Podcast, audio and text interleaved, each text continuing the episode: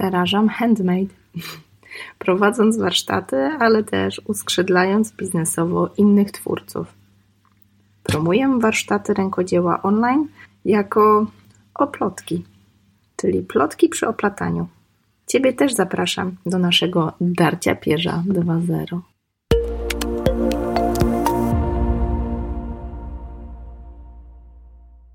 Hej, z tej strony Agnieszka Gaczkowska. Słuchasz podcastu Oplotki, czyli biznes przy rękodziele. Dzisiaj mam dla Ciebie nietuzinkowy odcinek, wywiad wywiad z gościem, który nagrałam już przed wakacjami. Z Joanną rozmawiałam w czerwcu o niesamowitym poszukiwaniu stylu i o tym, jak można bawić się modą i wykorzystywać ją jako świadome narzędzie do budowania naszego wizerunku. Hmm, zapytasz się, co ma to wspólnego z rękodziełem, biznesem albo tym, co właśnie robimy, czyli kampanią crowdfundingową książki?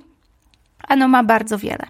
Z biznesem ma o tyle, że kształtowanie naszego wizerunku w świadomy sposób, no to tak naprawdę element kreowania naszej marki osobistej. Moda i sposób, w jaki Joanna uczy, aby wykorzystywać ją jako takie świadome narzędzie do kreowania wizerunku, to moim zdaniem mistrzostwo i między innymi o tym rozmawiałyśmy. A jak się to ma do kampanii książki, która lada chwila się zakończy, nie książka, tylko kampania. A no tak, że Joanna była jedną z tych osób, która ciepło wsparła naszą kampanię. Kampania trwa jeszcze do połowy września, więc to jest ostatnia szansa, aby zdobyć egzemplarz książki Oplotki Sukces Handmade. Ja pewno jeszcze o tym poopowiadam, więc będę Cię zapraszać gorąco do kolejnych odcinków podcastu, ale Joanna w tej kampanii dołożyła swoją cegiełkę i wsparła nas udostępniając informacje o książce w postaci naszej wspólnej rozmowy w swoich przestrzeniach w sieci, za co jestem jej niezmiernie wdzięczna. Dlatego to właśnie dzisiaj odgrzewamy odcinek, który już jakiś czas temu nagrałyśmy wspólnie. O Joannie będziemy jeszcze mówić na finale naszej kampanii, ale już dzisiaj zapraszam Cię do wysłuchania tej bardzo budującej, ciepłej, ale też pełnej biznesowej wartości rozmowy. Mam nadzieję do usłyszenia w kolejnym odcinku.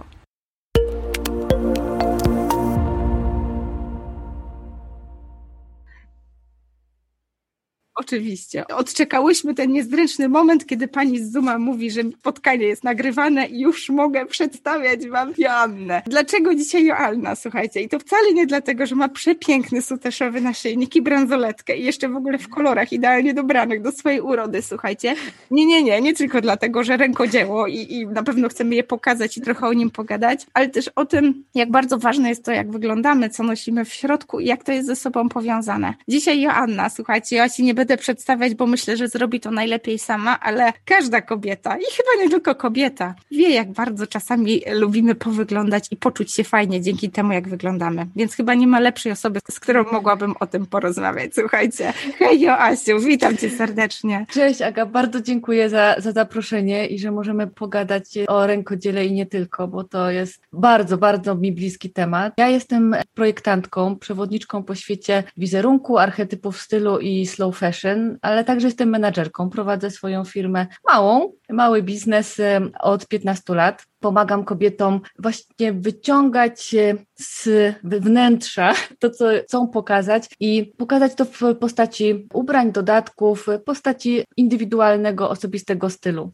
ubierania. Świetnie. Ja myślę, że to jest w ogóle taki temat, o którym kobiety mogłyby gadać godzinami i bardzo podziwiam za to, że ty potrafisz właśnie wyciągnąć coś ze środka, ale pokazać też to na zewnątrz. Powiedz, skąd to u ciebie, jakby skąd to do ciebie przyszło? Bo mam wrażenie, że wszystkie jako kobiety uwielbiamy fajnie wyglądać, dobrze się czuć w swoich ubraniach, ale ty wziąłaś to o krok dalej, robisz to profesjonalnie, jeszcze pomagasz innym, jak to robić. Wiesz co, to y, ja tak naprawdę tym tematem zajmuję się już jakieś 25 lat. Tak naprawdę to ten okres dojrzewania, kiedy zaczęłam zauważać swoją kobiecość i tak nie do końca dobrze się z nią czułam. To był też no, połowa lat 90., gdzie nie było aż takiej różnorodności, obfitości ubrań. Ja też nie miałam takiej standardowej sylwetki, która wchodziła we wszystkie tak. ubrania, więc mama moja szyła, bo zresztą dużo kobiet w tych czasach, latach 80. szyło ubrania dla siebie, dla, dla swoich bliskich, dziergało, haftowało, więc ja zawsze gdzieś tam z tymi tematami, po prostu to było na mnie naturalne, że się robiło tak. dla siebie ubrania. I ja zauważyłam, że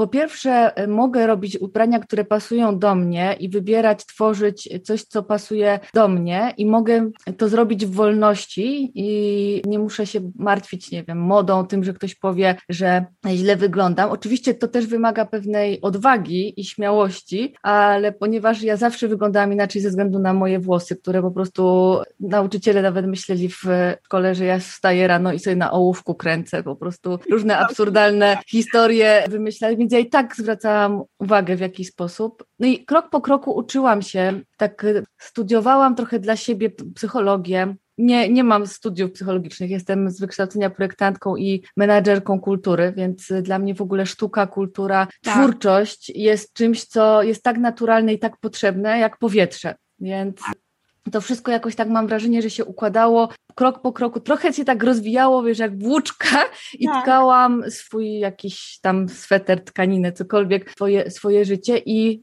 i kolejne wątki przychodziły i, i to, to się działo tak bardzo naturalnie, ale w momencie, kiedy skończyłam studia, i z zarządzania i, i projektowe. I poszłam do pracy do firmy odzieżowej, jednej z polskich takich sieciowych firm, i zobaczyłam od strony, od podwórka, jak strasznie wygląda ten system, ten mhm. biznes, jak rzeczy są robione byle jak, wiesz, jak wiesz, jak coś dobrze uszyć i potem widzisz, jak to jest byle tak. jak uszyte, jak to jest skrojone byle jak, to po prostu ja miałam takie poczucie, że ja po prostu nie chcę tym. Maczać palców, tak. Tak, nie chcę w tym maczać palców, nie chcę się dokładać do tego, bo ja poszłam na studia projektowe po to, żeby tworzyć ubrania z duszą, tak naprawdę ubrania dla kobiet. Moja kolekcja akurat nie była taka uniseksowa, bo robiłam, słuchaj, przez pół roku dziergałam oversize'owe swetry z owczej włóczki, żeby zrobić dyplom, bo dyplom jest praktyczny u nas tak. i, i bardzo chciałam, żeby ta, to, te ubrania, ta, mod, to, ta moda, którą tworzę, ten styl, mówił coś więcej niż tylko ej, mam kasę, mogę sobie przykleić tutaj logo i tak. generalnie jestem cool y, i, i jestem najlepszy. Bo ja się jakby w ten sposób nie patrzę na ludzi. Ja patrzę na ludzi trochę głębiej i chciałam, żeby te osoby, które w ten sposób też chcą funkcjonować, mogły zaznaczać swoją obecność za pomocą swojego stylu, bo nie oszukujmy się, tak. patrzymy na to, jak wyglądamy, i nasz mózg tak działa. To nie jest jakby duża filozofia, po prostu działa tak nasza percepcja, że taksujemy kogoś, jak wygląda, nasz mózg to interpretuje i, i wrzuca nam jakąś tam podpowiedź. To od nas już, od naszej świadomości zależy, czy pójdziemy za tym pierwszym wrażeniem, czy włączymy refleksyjność i będziemy chcieli kogoś poznać głębiej. Ale bardzo często to pierwsze wrażenie powoduje, czy w ogóle zaczniemy chcieć z kimś tak. nawiązywać relacje. Więc y, dla mnie ubranie to jest też rodzaj komunikacji, forma komunikacji, języka, który powoduje, że nawiązujemy relacje albo nie nawiązujemy relacji. Zwłaszcza, że też pewnie zauważyłaś, że są osoby, które specjalnie ubierają się tak, żeby tworzyć mury, bariery, żeby Dokładnie. zamykają się w pewnych subkulturach i to jest ich wybór, tak? To jest, y, ja, ja pomagam kobietom odkodowywać ten język ubrań i dodatków, żeby one mogły świadomie dobierać to, co chcą w tym momencie powiedzieć i zupełnie inaczej można się ubierać e, w na przykład zawodowej swojej e, dziedzinie, roli, a zupełnie inaczej można się ubierać po pracy. To też bardzo pomaga rozdzielić pewne tak. funkcje życiowe a ponieważ ja pracuję w domu i z domu od 15 lat, odkąd się urodziły moje dzieci, bo też tak sobie założyłam, że, że chcę być z dziećmi, chcę, tak. E, chcę to, jest, to jest dla mnie bardzo ważne. Po prostu macierzyństwo też jest dla mnie i rodzina jest dla mnie bardzo istotna. To jest wartość, na której to jest taki fundament, ale nie chciałam też zrezygnować z mojego zawodowego życia, bo mnie po prostu ciągnie cały czas do tworzenia. Też jestem pisarką, więc też piszę i, i różne rzeczy tworzę. I, I tak sobie pomyślałam, że, że ja będę pomagać kobietom, kobietom odkodowywać ten świat ubrań, żeby one mogły po pierwsze bez wydawania fortuny, po drugie bez takiej presji doskonałości, ideału, bycia ciągle modną, ciągle w trendach, budować osobisty styl, bo styl jest spójny z osobą, jest czymś takim bliskim, a moda jest czymś zewnętrznym, co bardzo tak. często jest też takie opresyjne, bardzo często jest y, narzucające, wpychające, zwłaszcza kobiecość w takie boksiki, ramki i jak już nie jesteśmy w tych ramkach, to już jest coś nie tak. A ja daję kobietom narzędzia do tego, żeby były kreatywne, żeby poznawały siebie, bo dlatego stworzyłam też kursy archetypy stylu, żeby pokazać możliwości i jak można ze sobą łączyć różne rzeczy, bo też zauważyłam u moich klientek, jak jeszcze pracowałam bardziej stacjonarnie, robiłam przeglądy szafy, że w naszych szafach, w szafach moich klientek, możliwe, że też w waszych szafach, jak tak otwieracie, jest bardzo często sporo rzeczy, które tak jakby nie pasują do siebie i nie wiadomo dlaczego, bo raz kupimy to, raz coś tak. innego, ktoś coś nam da. Tak. I potem nie bardzo wiadomo, jak to układać w zestawy. A okazuje się, że to nie jest niespójne, tylko że my patrzymy na to w oderwaniu od siebie. I w momencie, kiedy tą spójną częścią jesteś ty, Twoja osobowość, to może się okazać, i to się okazuje dzięki też quizowi na archetypy, które stworzyłam, że można połączyć osobę, która z jednej strony jest trochę nieśmiała, ale z drugiej strony uwielbia kolory, a z trzeciej strony jeszcze uwielbia wygodę, w jeden styl, tylko jak się to zrozumie i pozna, jaki jest klucz, to wtedy się to wszystko układa. To jest trochę tak, jak masz puzzle i chciałabyś go układać bez obrazka. Dokładnie, dokładnie. I nie wiesz, gdzie co pasuje, tak? I nagle wszystko tak. staje się jasne, bo nagle składa ci się to wszystko w jeden obraz. Wiesz, dla mnie tak. to jest uwalniające, co mówisz w ogóle jakby, wiesz, o wypracowaniu swojego stylu, bo dla mnie to jest taki empowerment poprzez ubieranie się, poprzez wyrażanie siebie, że nagle odwracasz tą rolę właśnie od tego, że to my gonimy ciągle za jakąś modą i za jakimiś trendami i wiecznie mam wrażenie, że jesteśmy krok do tyłu, bo nie zdążyłyśmy jakiś tam, nie wiem, teraz tak. spodnie z wysokim stanem chyba, nie? Muszę kupić, bo to są do mojej figury idealne grubych Ale wiesz, ciągle, ciągle mam wrażenie, że gonimy, a w momencie, gdy ty to właśnie tak przepięknie odwracasz, że to my jesteśmy tym, wiesz, tym, tym takim nadrzędnym, wybierającym swój styl, to nagle my po prostu oglądamy sobie te trendy i tak sobie wyciągamy z nich, tak, o, teraz są takie modne, to kupię sobie spodnie, bo aktualnie jest ich zalew w sklepach i sobie tak. dodam do swojej szafy. A za dwa lata, nie wiem, kolejny trend, o, z tego to sobie biorę te kolorowe szarfy, bo one mi tam, nie wiem, fajnie cerę, wiesz, podkreślają, nie? Tak. Ty przepięknie pokazujesz, jak to my stajemy się tym podmiotem, a nie przedmiotem mody i przez to zyskujemy taką niesamowitą władzę. Jak to było? Czy to jest właśnie tak, że gdzieś z tej strony psychologicznej zobaczyłaś, że ta moda stała się dla nas taką opresją, nie? Te wiesz, idealne kobiety na tych billboardach, tak? I my zaczynamy się chować w sobie. Czy to było właśnie od tej strony psychologicznej, czy bardziej właśnie to, że uwielbiasz kreować? Bo mam wrażenie, że wiesz, każda osoba to jest nowa historia, nie? Tu się można kreatywnie niesamowicie wyżyć. Tak, znaczy to jest jeszcze trzecia strona, powiem Ci, że u mnie jeszcze w tym okresie takim właśnie dojrzewania do dorosłości, do poznania swojej tożsamości, jeszcze była taka kwestia duchowa. To znaczy, ja miałam takie wewnętrzne poczucie, że jestem nie tylko ciałem i umysłem, ale, i, ale także duszą. I moja dusza bardzo się wyrywała do tego, żeby nie być włożona do klatki, tak. I pod jakimś tam, pod jakąś etykietką i to było tak silne, że ona mnie ciągnęła do tego, żeby przeczytać jedną książkę, przeczytać drugą książkę, żeby popatrzeć na pewne rzeczy zupełnie z innej perspektywy. Trochę czasami się tak. czułam jak Pippi Langström, która stoi na stole albo wiesza się na żyrandolu i patrzy na temat zupełnie z innej perspektywy. Dlatego też właśnie zaczęłam szukać, czy są jakieś alternatywy dla tej mody sieciówkowej, która zaczęła u, nas po prostu wchodzić takim tak. impetem tak. na początku 2000 lat i wpadłam wpadłam wtedy w totalną miłość do slow fashion, do, do tego, co się działo już za naszymi granicami, do tego rozwoju też i szacunku dla rękodzielnictwa, które po prostu ja gdzieś zawsze miałam w sobie, bo wiedziałam, ile czasu i energii potrzeba, żeby stworzyć, nie wiem, sukienkę, bluzkę, naszyjnik, tak. wydziergać coś i po prostu, jak ja potem zobaczyłam, że gdzieś w Bangladeszu dzieci po prostu doszywają nasz... sukienki, nie?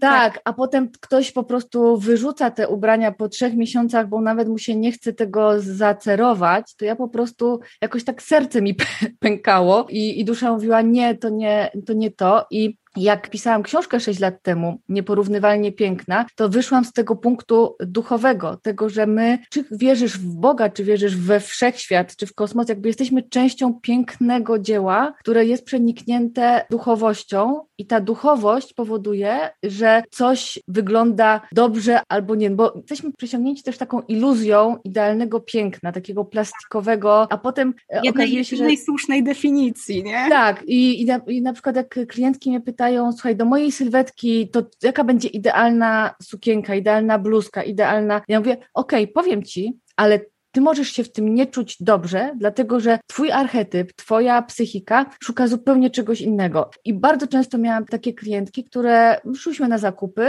ja wybierałam odpowiednie zestawy, bo mnie prosiła, tak, żeby były idealne do sylwetki. A potem się okazywało, że to nie jest to. One po prostu wizualnie niby wszystko jest ok, ale jak to chcesz połączyć z tym, kim jesteś, jaka jesteś, jak w ogóle funkcjonujesz, to się okazuje, że te ubrania przestają tak. mieć swoją funkcję. Tak, i znowu leżą w szafie, tak, zamiast na tobie. Tak, tak, więc właśnie później jak, jak zaczęłam, bo oczywiście na początku to pracowałam z koleżankami, z przyjaciółkami, bo to się tak, tak. zazwyczaj się tak to kręci, że zaczynasz od swojego grona. W ogóle na początku to jeszcze był mój tato, któremu pomagałam, bo on prowadził swój biznes, był wykładowcą, więc pomagałam mu dobrać garnitury, krawaty i, i więc, więc zaczynałam od mody męskiej, potem jeszcze mama i tak dalej, i tak dalej. No i jak zauważyłam, że ubrania to jest jakby taki element dodatkowy. Najpierw trzeba poznać człowieka, posłuchać, co w nim siedzi w środku, zanim się mu coś zaproponuje, bo to, co ty mówiłaś właśnie, że dobranie kolorów do typu urody, to jest jedna rzecz, czy tam właśnie fasonów, to jest jedna rzecz, ale druga rzecz, co ta osoba faktycznie ma w sobie i jak chce się czuć w tych ubraniach i tak. co chce o sobie powiedzieć, to jest kolejny etap tajemniczenia i kolejny taki, właśnie pójście trochę, trochę w innym kierunku, nie, nie tylko forma, ale także treść. Tak, to jest bardzo cenne, co mówisz właśnie o tym, co mówimy, tym, co nosimy, tak? Bo z jednej mhm. strony możemy sobie kupić fajną kieckę, wiesz, w sieciówce, tak? Ale raz, że, że jakby wiemy, że to było szyte przez te biedne dzieci, po prostu, ja nie wiem, mi to by się śniło po nocach, więc ja się trochę cieszę, bo ja jestem antygaleriowa, nie lubię w ogóle takich, wiesz, spędów, tłumów, więc e, ja świętowałam trochę tę e, pandemię, aż wstyd głośno mówić, ale właśnie to, że wszyscy przenieśliśmy się do netu i w końcu po prostu nawet ścigały nas ciągle reklamy jakichś polskich projektantów, bo oni też poczuli, że to jest ten moment, nie? To ja mhm. trochę świętowałam, że w końcu można przebierać i oni wręcz walczą o naszą uwagę, a nie właśnie te wszystkie wiesz, galerie, które były pozamykane. Ale mam wrażenie, mhm. że też właśnie to, co masz na sobie, czy to jest właśnie, nie wiem, len czy bawełna, czy raczej, wiesz, półplastik, jakieś poliestry, mhm. to właśnie jest trochę tak, że ty możesz coś powiedzieć, nie mówiąc ani słowa, tak? Tym, gdzie to kupiłeś, tak. gdzie to było uszyte, ale z drugiej strony, jaka to jest tkanina i czy ty właśnie chcesz gdzieś tutaj wspierać, no nie wiem, wegańską skórę, tak? Ty bardzo dużo mówisz, nic nie mówiąc. Czy u ciebie też tak jest, że właśnie od tego zaczynasz, tak, taki właśnie, wiesz, przekonań, co my chcemy powiedzieć, bo wiesz, bardzo dużo osób jakby no, no, nosi naturalną skórę, tak? Ja też jakby nie mam nic przeciwko temu, mhm. ale często to jest trochę tak, że wiesz, w jednym pokoju mamy kobietę, która ma super skórzaną torebkę, a druga tam, wiesz, z wegańskiego jabłka, nie? I one mogą bardzo mocno dyskutować, wręcz to jest na zasadzie, patrzę na nią i o, to nie moje plemię, nie? Tak, znaczy wiesz co, ja, ja staram się, mm, ja mam takie podejście bardziej ewolucyjne niż rewolucyjne mm, tak. i też nie jestem fundamentalistką, jeżeli chodzi o to, że nigdy nie wejdę do sieciówki, bo, bo tak. na przykład jeżeli chodzi o moją młodzież do, domową, to mam jeden taki sklep, y, gdzie wchodzimy, bo po prostu wiem, że to są ubrania, które no nie będą trzy miesiące, tylko dłużej, poza tym mają, no wiem, że się starają bardziej, tak? To nie chodzi o to, żeby tak. nagle stać się po prostu właśnie, ubierać się w skórę z jabłek, bo wydaje mi się, że że potrzeba nam bardziej ogromu ludzi, którzy będą robić nawet mikrokroki w tym kierunku, niż tak. garstki, która będzie, która będzie fundamentalnie po prostu tylko i wyłącznie w ten sposób żyła. Tu ja jestem taką właśnie, mam taką postawę, że nawet w trakcie jak był ten Revolution Week, to ja stworzyłam u siebie w grupie Evolution Week, czyli po prostu, żeby robić coś krok po kroku. I co więcej, zastanawiać się, co z tych rzeczy, które masz w szafie w tym momencie możesz użyć, przerobić, dorobić coś, bo ja jestem też, też fanką tego, że te rzeczy, które masz w szafie są najbardziej ekologiczne, nawet jeżeli w większości kupiłaś je w tak. sieciówkach, bo jeżeli już je masz, to znaczy, że możesz je wykorzystać. Możesz coś z nimi zrobić kreatywnego, możesz, e, nie wiem, wyciąć, przeciąć, domalować, po prostu jakby możliwości Ładnie. w tym momencie mamy tyle. I bardzo się cieszę, że coraz więcej osób widzę na ulicach, które mają też odwagę do tego, żeby zrobić coś inaczej, żeby, zwłaszcza wśród młodych ludzi, którzy są bardziej świadomi, bo, bo wiedzą też, że, że odziedziczą tak, te sterty tak. śmieci, więc ta świadomość jest coraz, coraz większa. I ja staram się kupować takie rzeczy, które wiem, że będę mogła na różny sposób dostroić, tak? Jak, jak moje tak. dostrojanie, czyli właśnie, jeżeli kupuję sukienkę jedwabną, to wiem, że ona jest w takim kolorze, że mogę dodać szal, mogę dodać y, naszyjnik, mogę dodać kolczyki, mogę dodać pasek na przykład z makramy i ona tak. już będzie Nosisz inaczej latami. wyglądać. Tak. tak, tak, noszę latami i na przykład jak dzieci jeszcze były malutkie albo jeszcze jak byłam w ciąży, to na przykład kupowałam ubrania z dzianiny, żeby w trakcie ciąży mi służyły, ale też po ciąży, żeby to nie były takie stricte tylko ciążowe, ciążowe ubrania, mhm. więc ja, ja staram się myśleć tak perspektywicznie i tak bardziej całościowo, czyli biorę jakby styl życia mojej klientki, tak. a ponieważ zazwyczaj pracuję z kobietami przedsiębiorczymi, więc to jest tak, że decyduję dana osoba, czy chce, żeby ten styl jej był oderwany od jej biznesu, czy chce, żeby był związany z biznesem i styl po, po pracy, żeby też się czuła tak. dobrze. To, co też powiedziałaś, że ubranie może nam pomóc rozdzielić pewne rzeczy i na przykład możesz innych cech potrzebować w pracy, jako tak. osoba prowadząca biznes, czy jakąkolwiek rolę zawodową masz, a zupełnie innych cech potrzebować po pracy. I nie ma nic mhm. złego w tym, że w pracy będziesz, nie wiem, w białym t-shircie i w marynarce albo w sweterku, a po pracy ubierzesz kwiecistą sukienkę i będziesz wyglądać jak po prostu Persefona na łące. Dokładnie. I, i to jest, i to jest okej.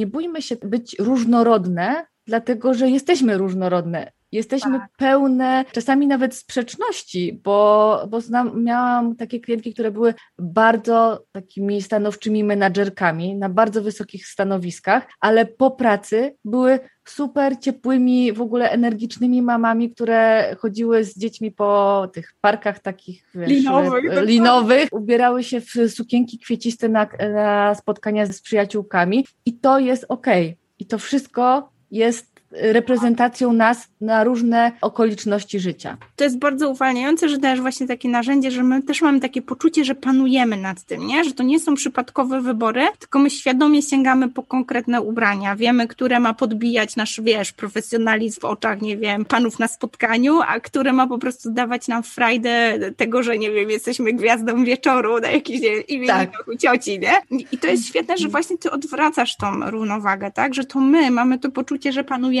że mamy władzę, że właśnie nad sobą, tak trochę symbolicznie właśnie nad swoim ciałem, nad tym podbijaniem tych naszych atutów, zamiast skupianiu się na tym, że nie wiem, mam te grube nogi, nie?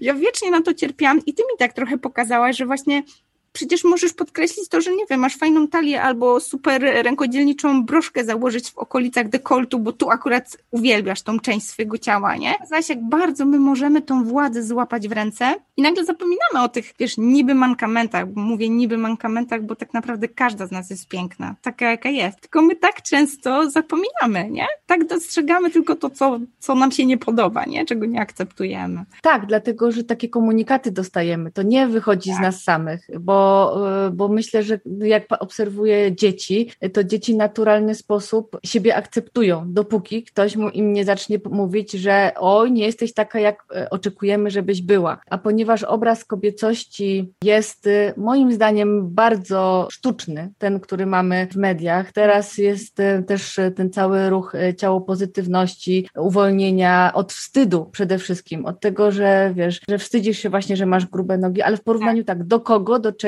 i co to znaczy grube i dlaczego może one są silne, tak? Może one są po prostu zbudowane do tego, żeby nieść cię przez życie i dawać ci tak. energię. W ogóle mam wrażenie, że jesteśmy odczepione od ciała od y, braku kontaktu, takiego akceptacji z ciałem. I faktycznie jak na warsztatach, jak jeszcze stacjonarnie prowadziłam, pytałam uczestniczki, to teraz napiszcie na kartkach, co pozytywnego, co w sobie lubicie, w swoim wyglądzie, w swoim ciele, to wszystkie mówiły, wiesz co, gdybyś napisała, powiedziała, co, czego nie lubimy, to już byśmy miały całą listę. A e, no bo bo tutaj trzeba sobie kupić to, żeby poprawić to, żeby kupić taki krem, żeby wklepić ten, tak? Tutaj podnieść pupę, tutaj jakiś stanik, bo żeby nie opadał. Myślę, o matko, po prostu cały czas, że jesteśmy nie dość wystarczająco dobre, piękne, no. jakieś. I ja w pewnym momencie się zbuntowałam sama e, przed sobą. Też miałam te myśli i też to jakby przeszłam przez ten cały proces, żeby sobie to wszystko poukładać i sobie myślałam, no nie, no to nie jest prawda o mnie, bo ja mam, jasne, mam taką sylwetkę, że właśnie mam szerokie biodra, uda, całą część ciała y, i, i ten, ale z drugiej strony sobie myślę, no dobra, no ale to nie umniejsza niczemu, tak? Może się komuś to nie podobać, o z tym nie dyskutuję, ale to nie, nie powinno wpływać na to, że ja siebie nie lubię, tak? I uważam, że ubranie właśnie ma tą rewelacyjną moc, że można tak je dobrać, żebyś ty się czuła w nim jak w drugiej skórze i czuła się piękna, bez względu na to, czy ktoś, jakiś ekspert stwierdzi, że to masz idealnie dobrane do, do sylwetki. Dlatego, że jeżeli ty będziesz się dobrze czuła w ubraniu, to ta twoja energia, ta twoja akceptacja, ona będzie bardziej widoczna niż to, czy ta sukienka jest, czy bluzka idealnie dobrana. Dokładnie. Ja się tak cieszę, że o tym mówimy, bo mam wrażenie, że kiedy zaczęłam o tym pisać i właśnie w książce gdzieś tam pojawiały się takie momenty, kiedy wiesz, byłam w ciąży, ja, ja to mam, że jak jestem w ciąży, to kwitnę, to hormony mnie jakoś tak, nie wiem, konserwują, że ładna cera, w ogóle tak ładnie wyglądam i po tej ciąży, jak już się skończy to karmienie, to ja zawsze mam takie, że o rety, to, to ty naprawdę w tym lustrze. Zawsze mam taki spadek i pomagam sobie właśnie ubraniami i też miałam dużą zagwozdkę, jak o tym w książce opowiedzieć bez takiego mm. mówienia, no bo to jest zupełnie inna historia, mogłybyśmy tutaj godzinami sama że to jest wątek, który się nadaje na, na 13 książek kolejnych, nie? Tak. Jak miałam potrzebę, żeby właśnie o tym pogadać, żeby o tym powiedzieć, bo mam wrażenie, że mi też właśnie ta, ta akceptacja siebie też na tym poziomie cielesnym, ona bardzo, bardzo dała dużo i w biznesie, i w roli mamy, i w roli partnerki, i przedsiębiorczyni, mm. że ten moment, kiedy ja poczułam, że właśnie mogę wziąć taką rękodzielniczą broszkę i wparować na takie spotkanie, gdzie wszyscy właśnie są na tych, tych wiesz, czarnych, czarnych ubraniach, na takich spotkaniach architektów najczęściej, wszyscy na czarno, bo to tak profesjonalnie, jeszcze najlepiej czarne oprawki, nie? Wiesz, to takie... Tak, takie... Tak a ja tam wpadam z tą świecącą, błyszczącą, po prostu wściekle przyciągającą wzrok broszką i mam wrażenie, że chodzę jak taka chodząca reklama tego świata handmade, tych wiesz, kolorowych ludzi, ale jednocześnie, wiesz, czuję, że mówię ich językiem, bo gdzieś tam ten czarny uniform pod spodem jest. To mi dało takie poczucie władzy, taki empowerment, że w książce nawet nie wiedziałam, jak to opowiedzieć, bo to jest coś, o czym można by było godzinami, ale mhm. bardzo chciałam właśnie, żeby ten temat wybrzmiał, żeby to zaznaczyć. W książce tam tylko wspominam, ale bardzo chciałam, żeby właśnie w takim podcastowym odcinku, czy w takim wideo powiedzieć, powiedzieć o tym, pogadać o tym i skierować do fachowej osoby, która potrafi poprowadzić kogoś w takim procesie. Bo mam wrażenie, że przez to, że też e, właśnie no, no u mnie ten zawód, ten architekt, jakby też ta, ta potrzeba takiej, wiesz, tej wizualności, ona za mnie, we mnie zawsze była taka duża, to jakoś po omacku poszukałam takich rozwiązań dla siebie, nie? Zaczęłam mhm. gdzieś tam podglądać, patrzeć, jak zobaczyłam, że działa, to to zaczęło się napędzać dalej i jakby poszłam w tą drogę. Ale mam wrażenie, że bardzo wiele kobiet wokół mnie jakby stwierdza, o rety, ja się nie znam, ja nie umiem kolorów dobrać, albo ma takie przekonanie, bo wiesz, no u mnie zawód architekta, więc jakby siłą rzeczy trochę tej wizualności jest, albo jakiejś tak. wyobraźni przestrzennej, ale my mamy czasami takie przekonanie, że to nie jest moja mocna strona, ja nie umiem, ja nie umiem tych kolorów dobrać i wtedy właśnie z wielką pomocą przychodzą specjaliści, tak jak ty, którzy nawet nie to, że powiedzą to jest dobre, a to złe i tak dalej, tylko wleją w ciebie to przekonanie, że ty możesz wybierać po swojemu, że ty możesz właśnie podejmować te decyzje. Nie ma dobrych, złych, tylko są bardziej i mniej twoje, nie? To jest bardzo uwalniające, więc wielkie dzięki, bo, bo to jest bardzo cenna wiadomość dla, dla świata. Wiesz co, ja jeszcze jedną rzecz chciałam tak dopowiedzieć, bo to nie wybrzmiało, że tworzenie własnego stylu to jest proces. To jest tak. zazwyczaj proces poznawania siebie i też proces dojrzewania do bycia odważnym, a zwłaszcza osoby, które są w jakiś sposób wrażliwe estetycznie, a architekci są taką grupą, która jest bardziej wrażliwa, tak? Architekci, pisarze, tak, artyści, rękodzieła, tak. Twórcy, twórcy rękodzieła, osoby, które po prostu, którym zależy na pięknie, są też bardziej krytyczne w stosunku do, do siebie, a ja zauważyłam po swojej historii i też po historii już y, kilkuset klientek, które, które ze mną rozmawiały po całym procesie, czasami po kilku latach, że nie da się przeskoczyć pewnych rzeczy. Po prostu, tak jak mówisz, może być to na początku broszka, może to być szal, może być chusta, tak. może być bransoletka, coś, co będzie takim pierwszym oswajaczem w tym procesie, ale to jest ok, że czujemy obawę, że boimy się zrobić coś inaczej, bo na pewno to ktoś skomentuje, a my nie będziemy potrafiły się na przykład obronić, albo czujemy, że pewnie nas ktoś skrytykuje, a może dostaniemy jakiś pozytywny feedback Dokładnie. i jakby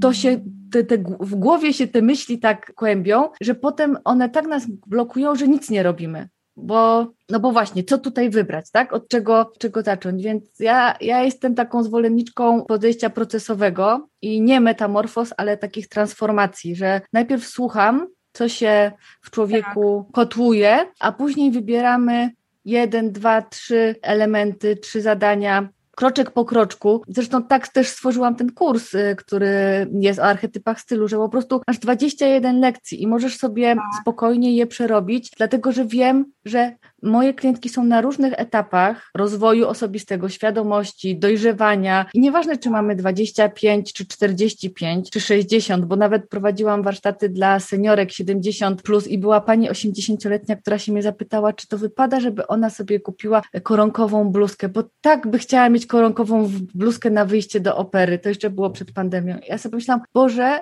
jakie my jesteśmy po prostu ściśnięte. Tak. Ta, że, że czy to wypada i właśnie, nie wiem, wchodzę na YouTube'a i patrzę, nie wiem, siedem sposobów na to, żeby ubraniem wyglądać młodziej, a ja się zastanawiam, ale po co wyglądać młodziej? Czy nie lepiej pokazać swoją osobowość, nie wiem, siebie, tak. czy wiek, tak, czy, czy ten wiek jest czymś, co nas definiuje, coś, więc jakby to co, to, co powiedziałaś, jest bardzo ważne, że bardzo też zależy w jakim środowisku jesteśmy, nie? Czym nasiąkamy przez lata i zawsze można wyjść i zawsze można zrobić mały kroczek w kierunku bycia bliżej siebie. Z mojego doświadczenia z moich obserwacji moich klientek to zawsze jest na plus. Dokładnie. To jest bardzo cenna myśl. To, to, co powiedziałaś, że nie ma odwagi bez strachu i bez tego procesu przełamywania tego strachu. Ja się bardzo cieszę, że jesteś przewodniczką w tym procesie, że mogę po prostu nasze dziewczyny, naszą społeczność, to głównie panie, wiem, że panowie też czasem słuchają, ale mam wrażenie, że to jest takie bardzo kobiece wyzwanie. Panowie też to mają, więc nie będę taka, słuchajcie, że mogę odesłać też was... to mają w dobre ręce, tak, że właśnie ten temat, którego tylko dotykam i też nie jestem kompetentną osobą. Jakoś ja sobie poradziłam, ale mam wrażenie, że w tym obszarze przydaje się bardzo często wsparcie. Bardzo polecam, żebyście zaglądali do Joanny. Joasiu, jeszcze na koniec koniecznie daj znać, gdzie cię możemy znaleźć, bo myślę, że to też będzie cenne, żeby zajrzeć do twojej społeczności. Wiem, że masz grupę, wiem, że gdzieś można cię też na fejsie znaleźć, ale gdzie jeszcze? Tak, ja tak, zapraszam na moją stronę www.dostrajanie.pl. Tam można zrobić quiz na przykład na archetypy stylu, żeby od razu już sobie zobaczyć, co w serduchu siedzi i poznać, dlaczego właśnie w Twojej szafie takie, a nie inne rzeczy są, bo, bo dostajesz od razu odpowiedź na maila. Zapraszam e, na Facebooka, na też mam fanpage dostrajanie.pl i do grupy Dostrajanie Stylu, którą prowadzę od dwóch lat. Tam odpowiadam na pytania i staram się być na bieżąco blisko, blisko mojej społeczności. Jestem też na Instagramie, tam też e, wrzucam w miarę na bieżąco, bo to też jest, e, także nie jestem niewolnikiem mediów społecznościowych, ale i też nie chcę zalewać świata, by się tutaj otwierasz lodówkę, a tam ja, ale bardzo serdecznie zapraszam też do zapisania się na newsletter na mojej stronie, to wtedy to są takie już bliższe listy co, co tydzień, które wysyłam. Świetnie, bardzo Ci dziękuję za tą rozmowę. Wierzę, że, że to jest bardzo duża wartość i bardzo się cieszę, że po prostu mogłyśmy też dać takie praktyczne wskazówki, że, że gdzie można zacząć, choćby to była ta właśnie rękodzielniczka broszka. Dla tych osób, które słuchają nas w podcaście, słuchajcie, Asia ma dzisiaj przepiękny sutaszowy wisior, więc choćby dlatego też zapraszam Was, żeby podejrzeć gdzieś pewno na YouTubie albo na naszych social mediach będziemy umieszczać, wiecie, takie zajawki z tego nagrania, żeby można było Janę też kojarzyć z widzenia. Choćby dla tego wisiorka musicie koniecznie zajrzeć, słuchajcie. Więc bardzo Was zapraszam, żeby odwiedzać, żeby zaglądać, żeby też się wypowiedzieć, co myślicie na ten temat. Myślę, że otworzymy tym samym taką dyskusję wokół rzeczy, które często zostawały w tej strefie tabu. I skoro w książce pękają kolejne bariery i mówimy o coraz bardziej takich, wiecie, śmiałych rzeczach, które nas na co dzień dotykają, to może w tej kwestii tego, jak wyglądamy, jak panujemy nad tym, jak wyglądamy, też warto trochę pogadać. Bierzmy sprawy w swoje ręce, wszystko w naszych rękach. Bardzo Ci dziękuję, Asie, za dzisiejszą rozmowę. Dziękuję Agnieszko i bardzo Ci dziękuję za to, co robisz, e, bo dla mnie to cała społeczność rękodzielnicza to jest społeczność bardzo ważna i uważam, że każdy, kto potrafi coś swoimi rękami stworzyć i podzielić się swoją twórczością jest bardzo ważny, zwłaszcza w dzisiejszym świecie, gdzie wszystko jest takie jednorazowe, plastikowe i brakuje nam takiej jakości i serca w tym, co tworzymy. Bardzo Ci dziękuję i trzymam dzięki. kciuki za Twoje działania. Dzięki, wielkie dzięki.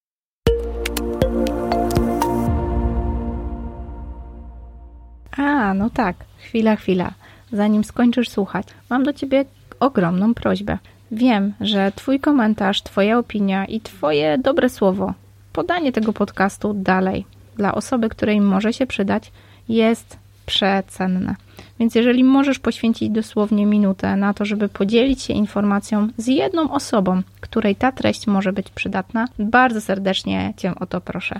Jeżeli masz ochotę skontaktować się ze mną, pisz agnieszka małpa oplotki.pl, a jeżeli masz dosłownie ułamek chwili, podziel się tą informacją i puść ją dalej w świat. Wierzę, że dobro zawsze wraca. Warto się z nim dzielić.